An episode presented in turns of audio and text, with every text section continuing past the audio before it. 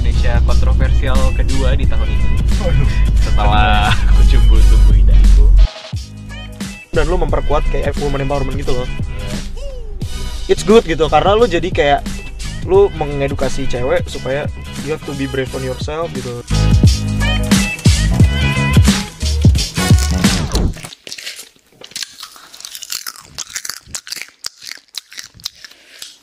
Hai guys, kembali lagi bersama saya Kevin dan Ivan di Kenyang Popcorn. Kayak kita harus Edisi ngantuk ya ini. Jadi singkat. Oh iya, hari ini ada eh, tamu yang waktu itu sudah pernah ikutan jadi tamu juga ya. Returning guest. Returning guest. Eh. Perkenalan lagi nggak usah lah ya. Nggak usah. Nggak usah. Ada makanya di sini kita ada Mudita. Halo. Anyway, hari ini kita mau ngomongin apa, Dit? Hari ini kita ingin membicarakan film Indonesia kontroversial kedua di tahun ini Waduh. setelah Kucumbu Tumbuh Indahku yaitu 27 Steps of Me. Ini Nanti di, petisi juga nggak sih filmnya? Kenapa? Di petisi nggak sih? Iya, sempat Iya, di-ban iya. bahkan di beberapa kota. Ini gila ya. Oh, sampai akhirnya mereka ditayangin lagi eh enggak ditambahin eh, Layarnya. jumlah studio ya tambahin layar. ah, ya ya ya. Ya, Buat yang nggak tahu, jadi eh, ada dua film belakangan ini yang dipetisi sama masyarakat karena kurang sejalan dengan nilai-nilai yang mereka anut kali ya. betul. Iya. cukup kontroversial juga sih Iya, mungkin iya, iya. dari segi topik pembahasannya gitu ya Hmm. Ya, ya, ya. Jarang loh dibahas film-film gini ya. betul betul Hmm. BTW, gue sebenarnya pengen ini sih. Kemarin kan lu sempet datang gitu kan, Van ke apa sih? Directors Forum itu yang itu kan baju cumbu. ya maksudnya itu kan kayak bahas soal petisi-petisi gitu kan. Maksud Ah. gua atau sih coba cerita dikit aja dong. Kita kan kemarin udah sempat ngomongin kecumbu nih. Iya. Maksudnya kayak emang sebenarnya keadaan perfilman Indonesia kenapa sih gitu kayak buat lo yang habis dengerin episode sebelumnya terus lanjut episode ini kan Nah, kalau belum dengerin episode sebelumnya dulu gitu kan. Udah ya kayak cerita dikit aja kan kayak experience apa yang lo dapet terus kayak main apa perspektif apa yang jadi lo dapet gitu loh dari. Jadi kemarin tuh gue sempet datang ke diskusi terbuka dari film Kucumbu Tubuh Indahku. Jadi waktu itu sutradaranya Gari Nugroho datang di uh, host sama Angga Dwi Masa Songko. Mereka berdua director yang cukup terkemuka di Indonesia. Mhm. Oke, jadi kemarin itu gue datang berharap ekspektasi gue untuk membahas segi kreatif dari Kucumbu Tubuh Indahku, tapi kebanyakan yang mereka bahas akhirnya adalah soal keadaan perfilman Indonesia dan segala petisi-petisinya itu. oh. Nah, ya. Oke, jadi kayak eh yang gue sebenarnya nggak banyak hal yang gue pelajarin dari sana, tapi gue baru tahu rasanya apa sih eh, tokoh-tokoh perfilman Indonesia kalau ngumpul tuh mereka ngapain gitu loh. Hmm. Jadi kita itu kemarin kayak dikumpulin di satu ruangan di aulanya Visinema Cinema kampus. Visinema Visinema kampus ya pokoknya Visinema itu salah satu PH lah. Oke. Kita kumpul di sana dan mereka eh, ngebahas sebenarnya ini Kucubu ini ngomongin film apa sih dan kenapa bisa dipetisi dan apa sih reaksi mereka dengan petisi yang dibuat itu loh kayak Hmm. mereka itu Garin sendiri tuh menghadapinya dengan kayak santai aja gitu loh Oh, Oke. kayak mereka nggak gimana gimana banget cuma mereka cukup kesal karena uh, kenapa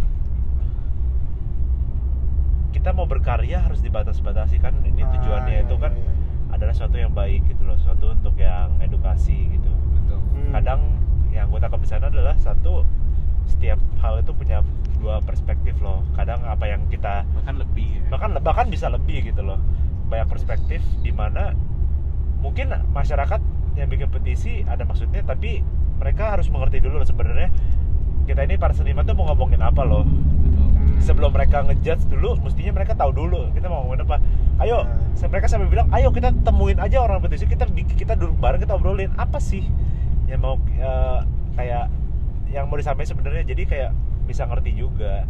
Mereka berharap dengan adanya satu lembaga dari mereka tuh permasalahan juga lembaga apa sih mestinya melindungi mereka itu loh. Ah, oke. sebagai filmmaker untuk berkarya mestinya siapa nih yang mengkurasi? Siapa sih yang itu? Itu kan sekarang sejauh ini adalah LSF, cuma seka- cuma menurut mereka LSF belum bekerja dengan cukup baik. Oke. maksudnya kan bisa lebih lagi loh.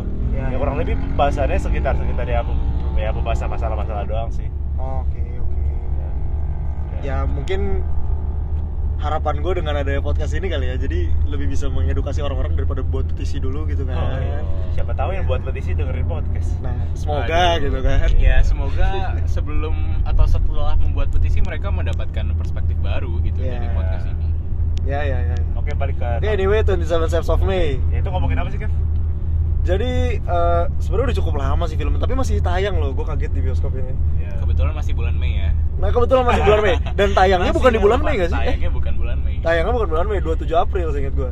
Ya. Nah, anyway, uh, 27 Steps of May ini berbicara mengenai apa ya simpelnya orang yang trauma akan terap mengalami pelecehan seksual habis itu Pemerkosaan bahkan pemerkosaan bukan lah. lagi. Ya itulah pemerkosaan itu. Terus bagaimana caranya akhirnya dia overcome traumanya itu. betul Sebenarnya intinya sih itu aja sih menurut gua. Atau lebih simpelnya lagi orang pengen keluar dari rumah. Orang pengen keluar dari rumah karena di secara metafor ya? Secara metafor ya bener ya secara metafor udah keluar dari rumah. bener Bener, bener, bener. sesimpel itu. Ya, ya filmnya cukup pacingnya slow banget ya. Slow slow, slow. Pacingnya slow. ya jadi jadi sebenarnya gini sih gue dari kemarin tuh pas abis nonton gue langsung chat Ivan gue bilang Ivan lo harus nonton. Nih gila banget film. Karena waktu itu bener-bener abis kita ngebahas kucumbu terus kayak besoknya kita gua gua nonton 27 Steps terus gua kayak gila nih film Indo lagi naik-naiknya nih ya gitu ya. terus tiba-tiba Ivan abis itu besokannya lagi nonton dia langsung ngechat gue di tengah bioskop "Eh, please abis ini jelasin gue ini 27 Steps of May itu kayak gimana sih di tengah Ya. karena gue bingung gitu nah terus kayak sebenarnya tuh gue selama nonton tuh gue Gimana? kayak agak kayak agak gak enak gitu loh. Karena karena gue nonton berdua sama teman gue kan. Oke. Gue kesel gue biasanya sering nonton sendiri gitu. Nah introvert ya? Bukan introvert kayak Nggak ada temen mungkin. nggak ada- temen. Mungkin gue juga lebih enjoy nonton sendiri gitu loh. iya.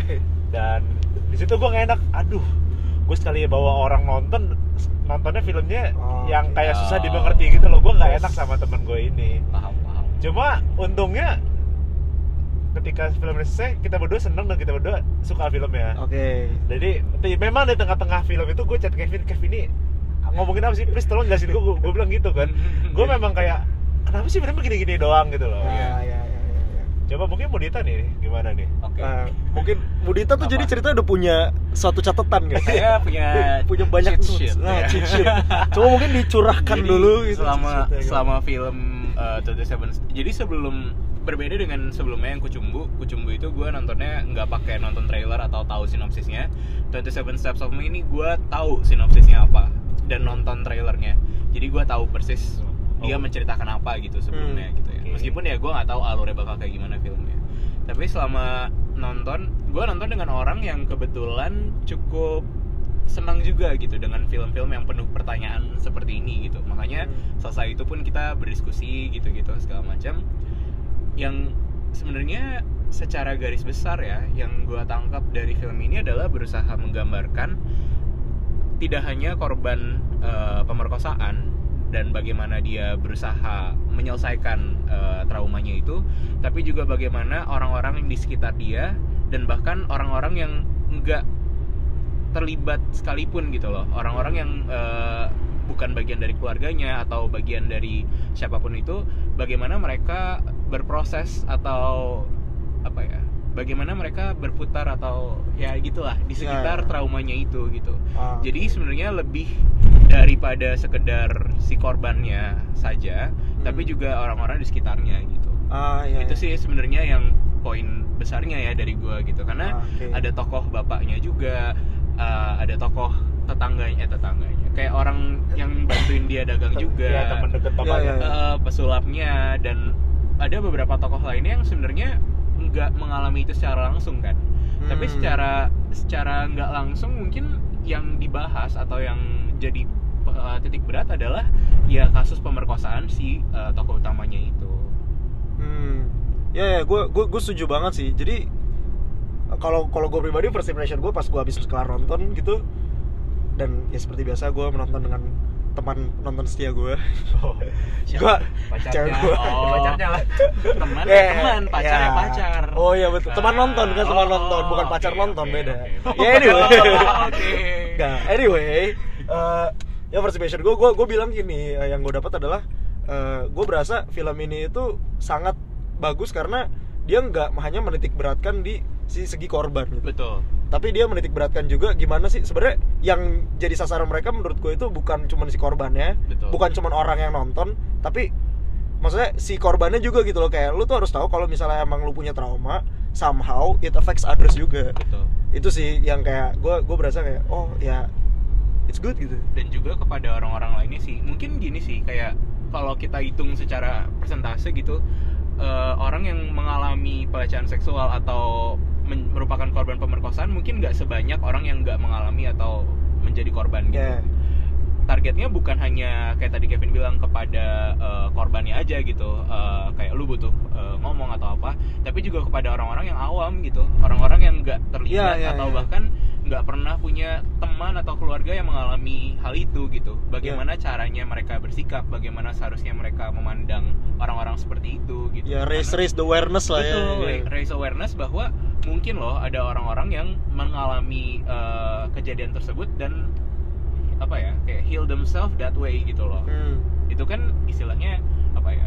Gue lumayan sangat jarang sih menemui itu di layar lebar gitu. Apalagi film Indonesia gitu ya. Mungkin kalau Yes. luar masih rada lazim kali ya. benar benar gimana Van diam aja kalau jadi kayak gue berada di antara orang suka banget sama 27 27 Step of Me Lu nggak suka? gue bukan yang gak suka nggak nggak segitunya Gua- segitu jadi gini Gimana? ada film yang gue bilang bagus Oke. Oke. ini film yang gue bilang bagus gimana mereka build up tensionnya gimana makanya secara script writing ini bagus banget Hmm. tapi ada film ini eh, nggak nggak gitu gue enjoy gitu loh Hmm. Hmm. tapi kayak yang gue ngeliat satu sisinya mungkin direkturnya itu mencoba memberitahu gimana sih rasanya nggak nyaman menjadi orang yang memiliki trauma Betul. gimana Ya. sih kesunyiannya itu kayak gimana sih stresnya itu gue rasain banget kayak Iya. gue tuh Iya, depressing gitu ya. iya depres banget nontonnya dan segak betah itu loh nontonnya Iya. karena memang itu yang dirasakan sama orang-orang trauma itu loh Iya. Hmm. jadi kayak mungkin oke bagus tapi mungkin di saat itu gue lagi Jenuh. nggak pengen nonton film Nggak yang gitu pengen. aja Oh, kali iya, ya. iya. Iya.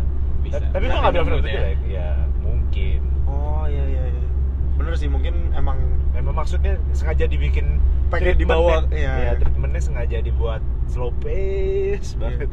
Jadi kayak pengen narik penonton kayak iya. enjoy the ride bro gitu. Ini loh orang trauma tuh rasanya kayak gini loh Iya. mungkin ya.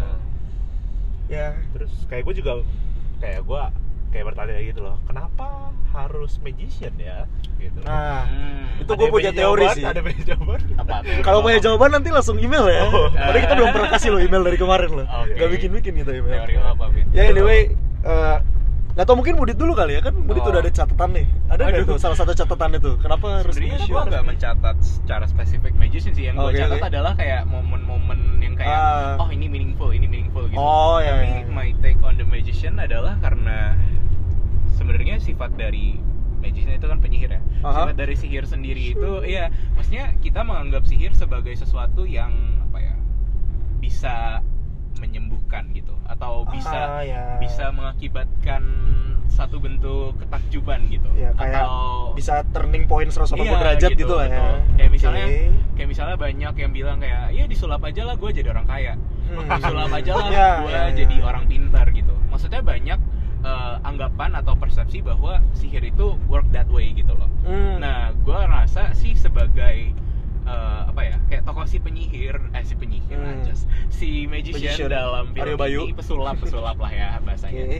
adalah sebagai ya itu tadi gitu eh, sebagai kayak juru kunci dari penyembuhan Ah. dari eh, si korbannya ini si tokoh utamanya gitu Iya, karena ya itu tadi gitu maksudnya kalau kita lihat kan ya orang lu bisa sulap sesuatu jadi Hmm. sesuatu yang lain gitu sesuatu yang berbeda gitu dan juga bisa apa ya mungkin kalau secara lebih make sense itu tricks kan Ya. Eh, lu nggak lihat bagaimana cara dia mindahin eh, satu barang ke tempat lainnya gitu atau tiba-tiba ada koin di belakang telinga lu gitu itu kan istilahnya Ah, um, dia punya trik-trik tertentu gitu kan dan gue Ya, rasa ya, sih ya. kayak ya penggambaran tokoh si pe- pesulap ini adalah ya itu tadi gitu Oke. untuk bisa ya menyembuhkan gitu atau mengubah si korban Si ini Mei-nya ya itu si ya. Dari sembuh eh dari dari trauma menjadi tidak trauma Hmm. itu sih mungkin kalau Kevin gimana Teori gue nih ya. Apa? Jadi tuh entah kenapa gue gue tuh sangat senang dengan film-film Indo yang semiotik dan Iya. kayak Semiotik. kok kayak gini gitu. Terus gue tuh kayak suka mikir gitu loh. Jadi ini pasti ada maksudnya gitu. Nggak Pasti. mungkin se-shallow itu gue berasa. Teori Budit kayak menurut gue make sense gitu. Kalau dari gue, gue sebenarnya menurut gue jawaban kenapa magician itu eh, jawabannya itu sebenarnya udah jelas di filmnya. Hmm. Eh, ada satu dialog di mana eh, dia tuh bilang yang pas si Mei-nya itu udah masuk, BTW ini spoiler alert berarti udah dari tadi ya Iya, spoiler iya. alert. dari awal ya spoiler alert. Terus, gitu. eh, si Mei-nya itu mulai masuk ke ruangannya si Aryo Bayu itu, Iya. habis itu kayak dia eh, diajak lihat-lihat yang kayak ditanya, nih nih ada lu inget gak ada sini tuh? Iya, kayak iya. nih nih ada gua gitu, terus kayak dia lihat-lihat foto, terus kayak eh, Aryo Bayunya ngomong gini, eh, sini, eh aku bisa aku bisa nunjukin lebih banyak lagi dia bilang. Ah, Terus sense. pas mereka ngedance, mereka bilang, eh si Aryo Bayunya bilang, gue gue lupa dialog tepatnya gimana, tapi yang gue tangkap itu kayak dia bilang, eh, ini rahasia gue. Sekarang apa rahasiamu Mei gitu.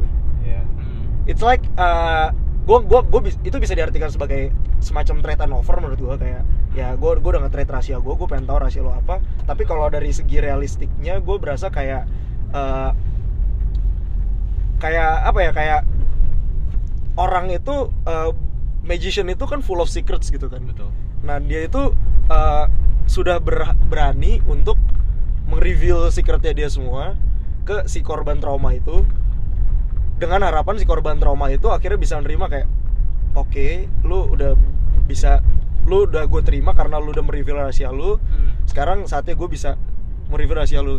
Nah eh rahasia gue nah Iya. itu gue adaptasi ke orang-orang trauma gue gak tau gue gak pernah trauma gitu. Cuman gue gue gue berasa kayak ya mungkin that's how you treat a traumatic person gitu. Hmm. mungkin itu salah satu tersirat yang kayak lu tuh harusnya kayak gitu. Nah dan satu hal dan satu teori lagi yang gue temuin rather than kayak secrets gitu eh, dari posternya sebenarnya lu kalau nyari poster itu Raihanun lihat ke bawah eh, cuman tangannya Aryo Bayu lihat. yang megang itu kan Iya, lihat. yang ngasih koin itu kan Iya. nah eh, Oh iya, trade turnover ya. itu bisa jadi turnover juga Iya. dan satu hal lagi magician itu kuat akan apa satu secretsnya yang kedua gesture kan Ah. jadi gue gue tuh punya maksudnya gini selama 8 tahun kejadian itu terjadi bapaknya itu sudah melakukan berbagai macam cara sampai manggil feng shui feng shui lah sampai suruh temennya kayak serah deh nggak bakal berhasil gitu suruh dukun itu pasti tiap hari bapaknya dalam satu tahun pertama pasti nanyain Mei kamu kenapa Mei kamu kenapa bener gak kalau lu punya anak pasti kan Iya. karena apalagi anaknya nggak Nah. pernah ngomong apa-apa dan anaknya nggak pernah ngomong apa-apa Iya, oh, Nah. eh, iya makanya Iya. pertama pas dia, si Mei-nya pulang, bapaknya ngomong kan, Iya. Mei kamu kenapa, Mei kamu Iya, kenapa? Nggak kamu kenapa kamu tapi nggak pernah kejawab dan nah mungkin sampai 8 tahun itu dia nggak pernah That's bilang. why kenapa magician menurut gua karena magician itu dia talk about gesture. Jadi gue berasa uh, ketika lu ingin mentreat orang yang traumatik, lu nggak bisa uh, pakai ngomong gitu. Lu nggak bisa ngomong. Lu nggak bisa based on ngomong verbal gitu loh. Lu nggak bisa kayak misalnya lu trauma nih, gue bilang, "Van, lu kenapa? Lu kemarin gimana?" gitu. Belum tentu itu bisa nge-treat ke lu loh. Tapi ketika gue pakai gesture, gue menunjukkan kayak gue care lo. Iya, iya. I, I show that I care for you makin lama lu jadi terbuka sama gue makin lama lu jadi bisa overcome your traumatic Iya. itu sih teori gue yang gue Nah. dapet Nah itu tuh makanya kenapa gue bilang The Seven Step of May ini bagus banget karena dia dari geser-geser doang mereka, mereka kayak hampir nggak pakai dialog mereka Hmm. bisa build up tensionnya sampai akhirnya Mei bisa merasakan sesuatu sampai dia cemburu gitu loh Iya. ya banget. bagiannya dia satu cemburu sampai dia akhirnya mau reveal sampai dia akhirnya mau berani keluar dari zone apa eh, traumanya itu kayak safe zone gitu safe zone ya ya ya Oh, dia iya. ngelewatin Oh. temboknya temboknya dijebolin Iya, iya. Hmm, ya ya benar yang menarik juga tuh kayak pemilihan eh maksudnya terlepas dari tadi Kevin bilang ya soal Ya. gesture gitu kayak pemilihan occupationnya dia sebagai seorang magician adalah gini sih kayak dunia nyata aja dia udah nggak pernah kontak langsung nih selama 8 tahun gitulah katakanlah Hmm. terus dia harus kontak dengan dunia yang lebih dari dunia nyata yaitu dunia sihir gitu dunia dunia sulap gitu Hmm. yang kayak full of tricks and hal-hal yang mungkin kita orang biasa yang nggak trauma aja nggak tahu gitu kan ya, ya, dan ya. dia beru- bukan berusaha untuk mendiscover dunianya dia tapi dunia sulap gitu loh kayak dia berusaha belajar sulap kan Eh, Hmm, diajarin gitu kan gimana caranya triks eh, sulapnya lah mulai dari yang koin dari yang apalah segala macam gitu. Kan ada beberapa ya. Jadi kayak kita memang manusia biasa yang nggak trauma aja mungkin amazed gitu loh dengan dunia yang kayak gitu. Dunia Hmm. sulap gitu istilahnya. Apalagi dia yang terkurung 8 tahun yang menghabiskan istilahnya masa remajanya gitu lah ya. Di dalam baju. ruangan itu gitu Ya. loh nggak keluar dari mana-mana dalam zona nyamannya dia. Ya ya. Itu kayak apa ya kayak berarti ada satu bentuk keinginan juga dari si Mei-nya untuk sembuh gitu loh. Hmm. untuk discover yang lebih dari dia gitu. Ya, yang ya. lebih dari sekedar kamarnya dari rumahnya gitu. Make sense make sense. Eh, sebenarnya banyak banget sih semiotik semiotik sih dari Iya, film ini sih. Banyak banget menurut gua. Ini satu film isinya semiotik semua kali. iya ya kayak dari segi warna putih segala Iya, macam. gua catat tuh kayaknya mostly semiotik. Iya kayak Cuman gue ada satu scene yang gue seneng banget sih. Eh, Lu inget gak yang pas scene mereka makan? Masih putih semua tuh makanannya Iya. si Mei. Iya. Terus eh, si Mei-nya lagi mainin telur iya Mainin telur dijatuhin, Iya. dijatuhin ah, Oh, tak, iya. tak, itu tak gue ada catat kayak At some point bapaknya ngambil set iya Iya. Nah itu menurut gue itu bisa diartikan kayak Udah Mei This is not your fault, this is my fault gitu loh dari bapaknya Oh. Kayak gue berasa kayak Oh shit nih deep banget meaningnya gitu loh Kayak Itu gue merinding. Ya kan? Kayak Bisa, bisa, dia bisa. always take the Iya, fall kayak this is my fault gitu, tapi bapaknya yang wah. Itu sih. Tapi sejujurnya satu semiotik yang gue masih nggak tangkap adalah kenapa harus boneka? nah Itu, iya, boneka itu yang, yang gue gua tangkap tuh gini Gimana gitu? mereka tuh nggak memproduksi bonekanya dari nol kan Oke. ya. mereka dapat bonekanya dan yang mereka lakukan adalah mereka bikin bajunya Aha. bonekanya datang ke rumah mereka dalam keadaan telanjang gitu Mhm. dalam keadaan nggak punya cover apa pun dan mereka keluarin dari rumah itu dengan keadaan udah rapi udah dibungkus Mhm. udah siap dijual gitu kayak kalau lu kayak mikir dari tadi yang gue bilang aja kayak maksudnya they are doing something untuk berusaha kayak apa ya istilahnya? Kayak membuat boneka itu presentable gitu kan untuk dilihat Ah, untuk dijual gitu.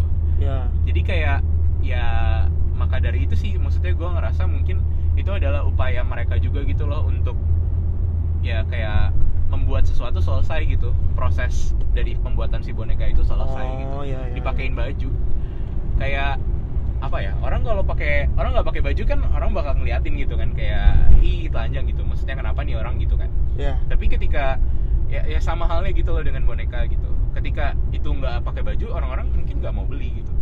Kayak kenapa nih? Ini nggak Oh. menarik gitu. Ini nggak nggak bisa dijual ini nggak bisa jadi something yang menyenangkan gitu loh. Tapi Oh, mereka shit. membuat sesuatu yang menjadikan boneka itu menyenangkan dan bisa dijual dan punya nilai gitu loh Ya, ya, ya, di dalam rumah itu yang mana merupakan kontradiktif gitu loh antara keadaan mereka dengan keadaan apa yang mereka lakukan gitu. Ya, ya, ya. mereka di situ-situ aja gitu. Gua- nggak mengalami kemajuan. Mungkin Gue tiba-tiba di kepikiran deh kayak eh, ini kan kayak isu feminisme banget gak sih? betul. Ya kan, feminisme dan sexual harassment dan segala macamnya. iya gue gue gue kayak kepikiran apa jangan-jangan boneka itu yang kayak tadi Mudit bilang dari bugil terus tiba-tiba dipakein Iya, baju. di, dibajuin itu gitu ya. sebenarnya isu yang pengen disinggung itu adalah lu nyadar gak sih kalau belakangan ini feminisme itu selalu dikaitkan dengan sebenarnya bukan salah cowoknya tapi salah cara berpakaian lu. Ya bisa. Bisa jadi.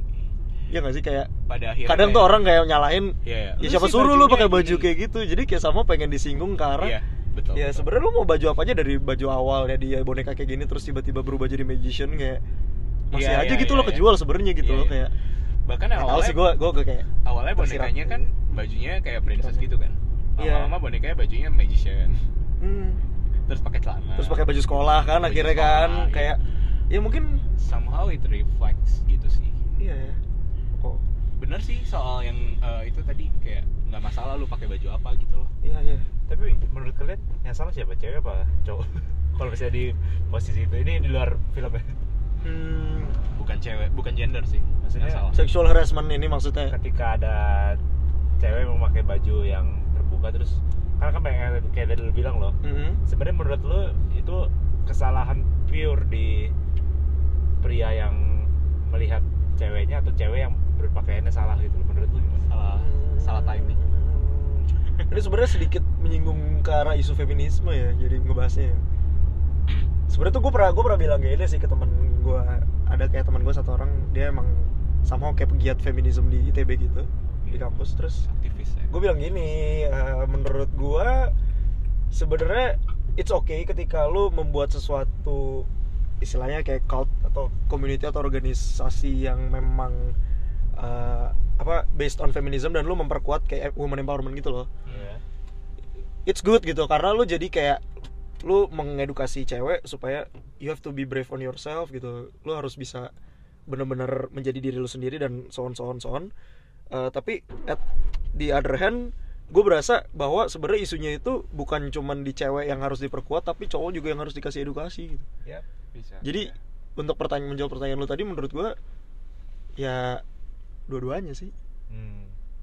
menurut gue cewek juga ya mungkin harus menyesuaikan juga mungkin tapi nggak sepenuhnya salah di cewek cuman cowok juga harus teredukasi juga kayak iya Tapi masalahnya sebenarnya di edukasi bukan di gender. kan? benar di edukasi menurut gue semua permasalahan Balik lagi ini. ke edukasi. kalau dari dari gue Ya. sih yang sedihnya maksudnya gue cukup feminis gitu gue tumbuh di keluarga yang isinya cewek semua gitu tau lah gimana isinya eh, mereka gitulah inti- intinya Eh, yang jadi sedih kadang adalah beberapa pandangan soal feminis feminisme itu tuh seolah membabi buta gitu Hmm. mereka menyerang semua apa ya kayak pihak-pihak yang berkata bahwa lo harus pakai baju tertutup gitu Hmm. banyak yang beranggapan bahwa kayak suka-suka gue ini tubuh gue gitu Eh, Hmm. suka-suka gue mau pakai apa ini bukan soal gue pakai rok mini atau baju terbuka kok ini soal nafsunya aja misalnya gitu kan Ah. Tapi kan sedangkan ada beberapa hal yang diatur oleh norma gitu misalnya Ya. nggak boleh bukan nggak boleh sih nggak etis pakai rok mini ketika lo lagi malam-malam misalnya gitu Ya. atau ketika lo pulang sekolah atau misalnya baju sekolah lu deh gitu Hmm. ada peraturan kan harus di bawah lutut misalnya Hmm. harus eh, nggak boleh ngetat misalnya gitu maksudnya peraturan-peraturan seperti itu eksis gitu Ya, ya, ya. dan nggak bisa dipungkirin juga bahwa banyak dari eh, baik laki-laki maupun perempuan yang melanggar itu gitu dan Hmm. somehow ketika mereka nggak bisa lagi melihat ya soal tadi soal edukasi gitu which is sangat penting mereka akan sangat menitik beratkan bahwa kesalahannya ada pada gender gitu Hmm. kesalahannya ada pada satu gender tertentu yang nggak bisa menahan nafsunya misalnya ya, gitu ya, ya, ya. Padahal uh, sexual harassment goes both ways Iya dan gue sangat meyakini itu gitu nggak cuma cowok doang eh nggak cuma cewek doang kok yang mendapatkan bisa mendapatkan perlakuan seperti itu bahkan cowok juga gitu Ya, ya, benar, benar. nggak benar. dan nggak cuma dari eh, antar gender aja dari sesama gender juga gitu Hmm, hmm, hmm. itu sih yang gue rasa perlu dibuka gitu loh pandangan masyarakat bahwa hal-hal seperti itu exist gitu Ya, ya. Iya. Terus gue balik lagi sih ke film ini ya. Mungkin emang harapannya adalah bisa lebih mengedukasi tadi itu. betul Kalau menurut gua sih. Jangan kayak to spark Iya, the iya. conversation saja lah gitu Ya, ya, ya. benar. Oke sih, mungkin rap aja kali ya, ya. Hmm, boleh. Gimana gimana? Mungkin lu kali yang rap. Kayak tadi banyakan gua sama Mudit mulu gitu.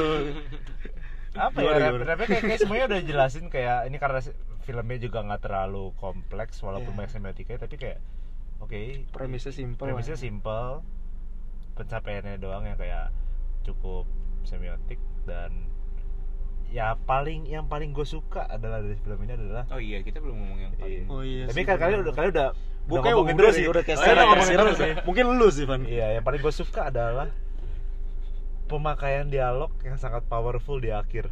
Wih, sumpah. salah bapak Ah, Sumpah, cuy. Iya, iya, iya, iya. Gue, wih, merinding ya. gue nangis sih gue nangis cuy. Nangis lo ya. gue nangis, gue ngeliat sebelah temen gue juga nangis. Kita berdua kayak gitu. gue Kayak- nangis Dan akhirnya sampai itu film habis sampai ke dialog kita berdua masih diem gitu. Ini Iya, gue iya, ya, iya. gue masih Iya, iya. diem. gue juga Temen gue masih diem kayak bagus ya. Kita udah kayak Iya. sih bagus. Oh, Terus temen gue sampai ngomong gini, cowok harus nonton nih film ini. Iya iya iya benar benar benar. Iya. Cuman mungkin satu un unanswered question ya Dit, ya, yang soal Apa tuh? 27 itu. Kenapa Iya. 27 gitu ya? Hah? Itu emang kalian nggak tahu? Enggak. Kalau itu mah gue udah tahu, itu mah gue tahu banget. Lu tahu Apa? kenapa? Lah, 27 langkah untuk keluar dari rumah. Nah, gue tuh ngitung Nah, nggak 27. dihitung sama Mudit katanya nggak nyampe 27. Tapi itu itu pernyataan, pernyataan dari direkturnya. Oh, itu oke. itu Mungkin Berarti mungkin pas skip. sampai sampai kredit title kali Bisa, bukan sampai keluar bisa. dari mungkin itu kaki direkturnya kali ya, bukan kaki Ah. Rehanun. Mungkin Mungkin. bisa jadi nggak tahu sih. Mungkin direkturnya kayak satu dua tiga gitu. Nih lu Iya. ikutin langkah gue gitu. tapi lu enggak, gue tuh cuma 20. Sumpah. Oh tapi Iya, tapi gua ngitung. tapi Easter egg sih. Eh, lu hitung nggak jumlah teater pertama kali di premier itu ada berapa? Oh. Nah, gue hitung itu ada 26. Wow. Jadi setiap 27 adalah kita nonton. Oke, that's it guys. Easter egg gitu. Oke, oke, oke, oke. Oke, mungkin eh, itu aja sih sekian dari, dari kami soal 27 Steps of May. Feel free kalau emang mau kasih feedback atau ada yang kita kurang ngomongin atau apa. Iya, iya. Atau Eh, ada ada bisa- mau nambahin? Atau ada yang mau namain bisa atau ada yang mau ikutan bikin podcast next time Boleh boleh, juga. juga. ya langsung kontak ke kami aja. Udah Oke. mungkin itu aja kali ya. Oke deh, thank you. Thank you, see you on the next episode. Bye bye.